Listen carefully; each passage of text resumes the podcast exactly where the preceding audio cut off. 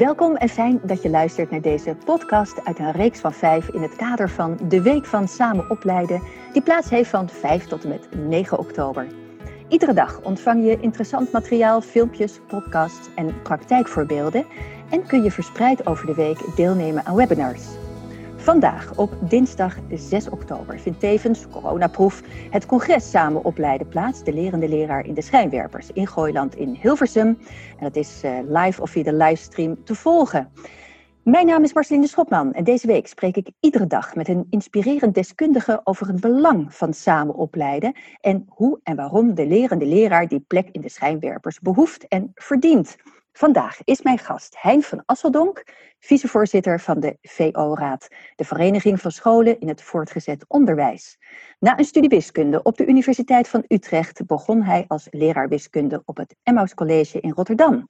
Hij werd daar ook conrector, hij werd daar rector, om vervolgens los te gaan als vicevoorzitter in het college van bestuur van de Stichting Lucas Onderwijs in Den Haag. Hij is groot tegenstander van onderwijs waarbij leerlingen op de toeter langs de ruiven moeten gaan en waar roosters knellende keurslijven verscholen vormen. Hij zingt soms een toontje lager, maar dat was puur als bas in het koor Dames en Heren in Rotterdam. Welkom, Hein van Asseldonk. Dankjewel. fijn dat je er bent en fijn dat wij je wat vragen aan je mogen voorleggen. Uh, we tutoyeren, dat uh, vind jij akkoord en uh, ik ook, dus dat is mooi. Daar hebben we elkaar alvast in gevonden. Hein, de laatste periode voor jou dat jij voor de VO-raad aan de slag gaat. Hoe kijk jij terug op de ontwikkeling van de professionalisering van leraren? Ik denk dat we er in de VO-raad een veel groter thema van hebben kunnen maken dan het was toen ik begon. Ehm, met name het opleiden, het samen opleiden, eh, maar ook de aandacht voor professionele ontwikkeling, ruimte scheppen, aandacht voor ontwikkeltijd van leraren, een lerarenagenda. Het zijn allemaal onderwerpen die we in de laatste jaren in het bestuur van de VO-raad op de agenda hebben gekregen. Dus ik ben eigenlijk heel blij met de extra aandacht die er is gekomen. En denk dat we daarmee ook een goede basis hebben gelegd om de aantrekkelijkheid van het beroep te vergroten, om de deskundigheid van de medewerkers uh, te versterken en om vervolgens ook uh, de kwaliteit van het onderwijs in dienst van de leerlingen een geweldige boost te geven. Dus ik kijk daar met plezier op terug in het besef dat we er natuurlijk nog lang niet zijn. ja, dat is altijd een fijne nuancering. Hè? Er is altijd nog een stip op de horizon. nou noemde, je, nou noemde je uh, net ook het samen opleiden. Hè? Um, kun je dat meer specificeren? Hoe heeft het daaraan bijgedragen, aan die ontwikkeling? Nou, wij hebben een aantal jaren geleden geconstateerd dat uh, leraren die uh, zeg maar niet echt betrokken zijn in de school waar zij hun stages lopen, maar daar een beetje plichtmatig hun uh, rolletjes afdraaien, om het maar zo te zeggen, veel minder goed toegerust zijn dan de leraren die deel uitmaken van de gemeenschap in zo'n school, die deel uitmaken van het team, die betrokken zijn bij de bredere opdracht en de invulling daarvan van de school. En ja, daarmee zien we voor onszelf een grote kans liggen om beter toegeruste leraren voor te bereiden op een start in het onderwijs. Zien we ook goede mogelijkheden om mensen die al ervaring hebben in andere sectoren, om die op deze manier uh, een soort geleidelijke entree in de scholen te bieden. En daarmee succesvoller te starten als leraar en hun loopbaan in dat leraarschap te vervolgen. Proefondervindelijk vastgesteld en inmiddels door uitbreiding van het aantal mensen dat eraan deelneemt, ook bewezen effectief. Dat is mooi. En um, partnerschappen zijn daarin uh, ook belangrijk, hè? met uh, eh, VSNU en uh, de PO en de MBO-raad, et cetera. Ja. Hoe zouden die partnerschappen dat nog verder kunnen versterken? Doen ze dat al voldoende? Nou, dat kan natuurlijk, ook dat kan altijd beter, omdat we natuurlijk in de loop van de tijden ook wel heel veel ehm, tijd kwijt zijn geweest aan allerlei terreinafbakeningsdiscussies. Wie gaat nou waar over? Op welke manier kunnen de scholen in het primair en voortgezet onderwijs ook een rol spelen in de beoordeling van de geschiktheid? Uh, op welke manier kunnen we de, uh, zeg maar de, de samenwerking in de opleiding ook zichtbaar maken in verantwoordelijkheid voor examinering en afronding? Dat zijn hele lastige gesprekken, want dan gaat het over terreinen van bevoegdheden. Mm -hmm. omgekeerd ook op welke manier hebben nou de opleidingsinstellingen nog iets te zeggen over de wijze waarop leraren die eenmaal benoemd zijn en die dus onder verantwoordelijkheid van de werkgevers vallen, toch ook nog werken aan hun professionele ontwikkeling. Dus die, die grensdiscussies die hebben veel tijd en energie gevraagd. En die zijn eigenlijk niet altijd het leukste. Want ja, dan, dan ben je toch met piketpaaltjes bezig, terwijl je eigenlijk bezig moet zijn met kwaliteit, met mensen, met het leuk en aantrekkelijk maken van het werk in het onderwijs. En daar zou je eigenlijk met elkaar de energie op moeten richten.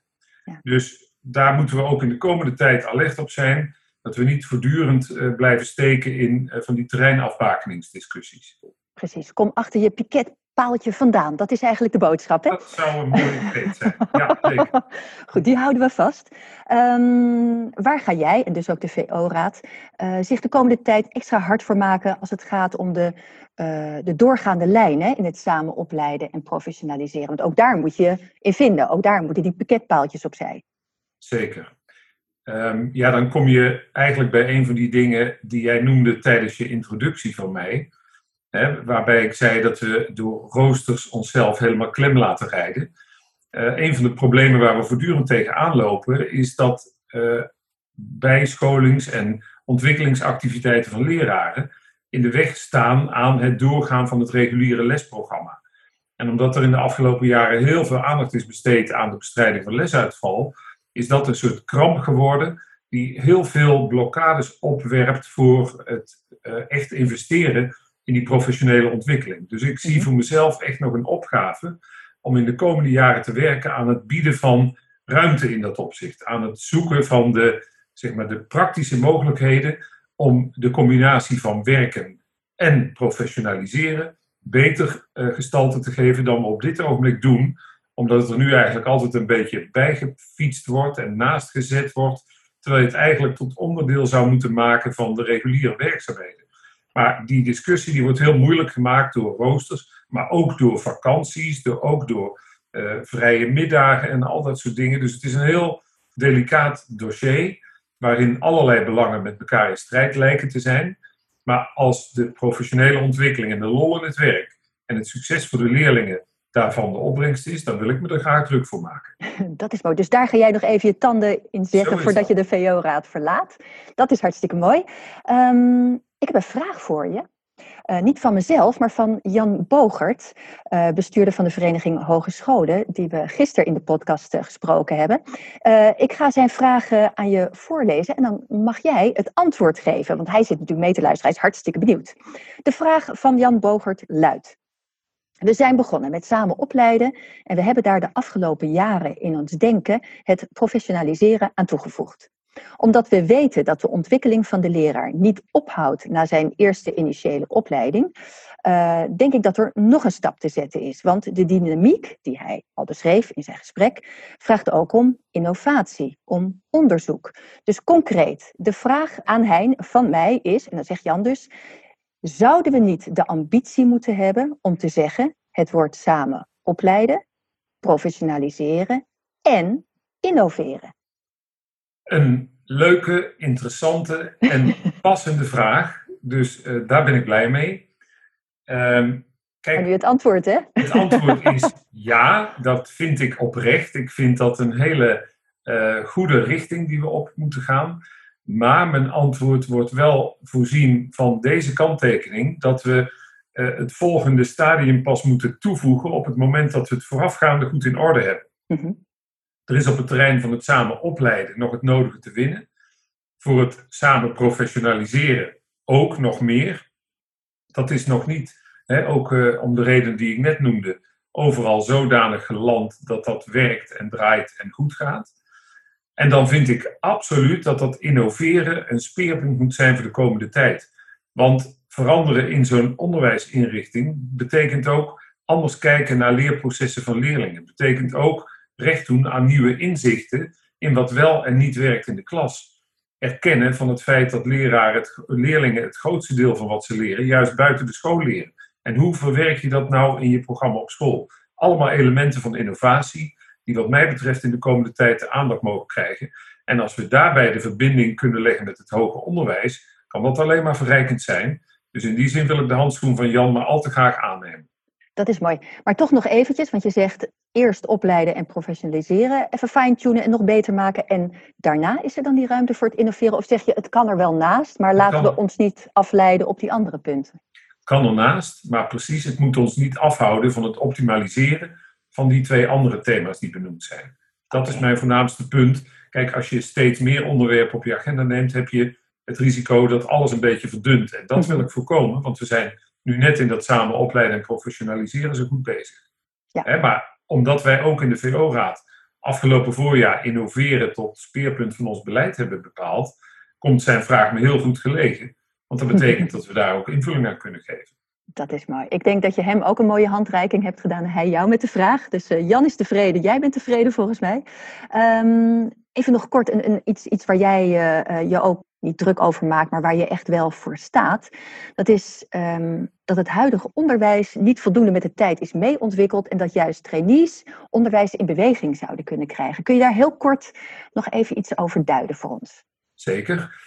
Ik denk dat uh, het onderwijs tot voor kort een tamelijk gesloten wereld was. Dat geldt in de ruimste zin van het woord. En ik bedoel dat niet beledigend of verwijtend, want zo was het ook allemaal ingericht. We zijn in de loop van de jaren steeds meer tot het inzicht gekomen dat als je je verbindt met je omgeving en bijvoorbeeld contacten legt met het bedrijfsleven of met de medische wereld of met de ouderenzorg, noem maar op, dat dat een enorme verrijking van het onderwijs met zich meebrengt en een verbetering van de basis die je legt voor de leerlingen. Die trainees zijn bij uitstek A. hoogopgeleide, zeer gretige en breed georiënteerde professionals, die ook in een lerarenteam die discussie over die verbinding met de omgeving kunnen intensiveren en kunnen verrijken en kunnen uh, ja, vleugels geven, zou ik bijna zeggen. En dat heeft mij in de loop der tijden steeds zo aangesproken in het optreden van die trainees. Dat is Daar ben ik daar een hartstochtelijk pleitbezorg Heel goed. En eigenlijk klinkt dat ook als innovatie. Dus ik zeg 1 plus 1 is 3 in dit geval. Um, Hein, jij mag ook een vraag stellen. Een vraag aan uh, Anko van Hoepen, die ik morgen interview, uh, de vicevoorzitter van de PO-raad. Heb je een mooie vraag voor Anko bedacht? Zeker. Uh, Anko en ik spreken elkaar vaak, maar deze kwestie hebben we nog niet uitgevogeld. Dus ik ben benieuwd hoe hij er naar kijkt als ik hem vraag: hoe kunnen PO en VO in het kader van de aanpak van het lerarentekort nou verbinding zoeken in de regio? Oké, we gaan de vraag. Hoe daar tegenaan kijkt. Ja, we gaan de vraag uh, voorleggen aan Anko. Dus uh, luister straks ook naar uh, zijn podcast wanneer die geplaatst wordt. heel veel dank, Hein, Hein van Asseldonk, voor je heldere en fraaie en gedreven antwoorden. En dank jullie wel voor het luisteren naar deze aflevering van de podcast in het kader van de Week van Samen Opleiden. Samen opleiden doe je samen. Dus vond je dit interessant of ben je nog weer wijzer geworden? Deel deze podcast dan vooral ook met anderen. Je vindt ons online via de nieuwsbrief en via de website van Platform Samen Opleiden en ook in jouw podcast-app. Graag tot morgen bij het uh, uh, volgende interview. U kunt ons ook anders zien tijdens congres De Lerende Leraar in de Schijnwerpers. Vandaag in Gooiland live of via de livestream. En ik zeg uh, dag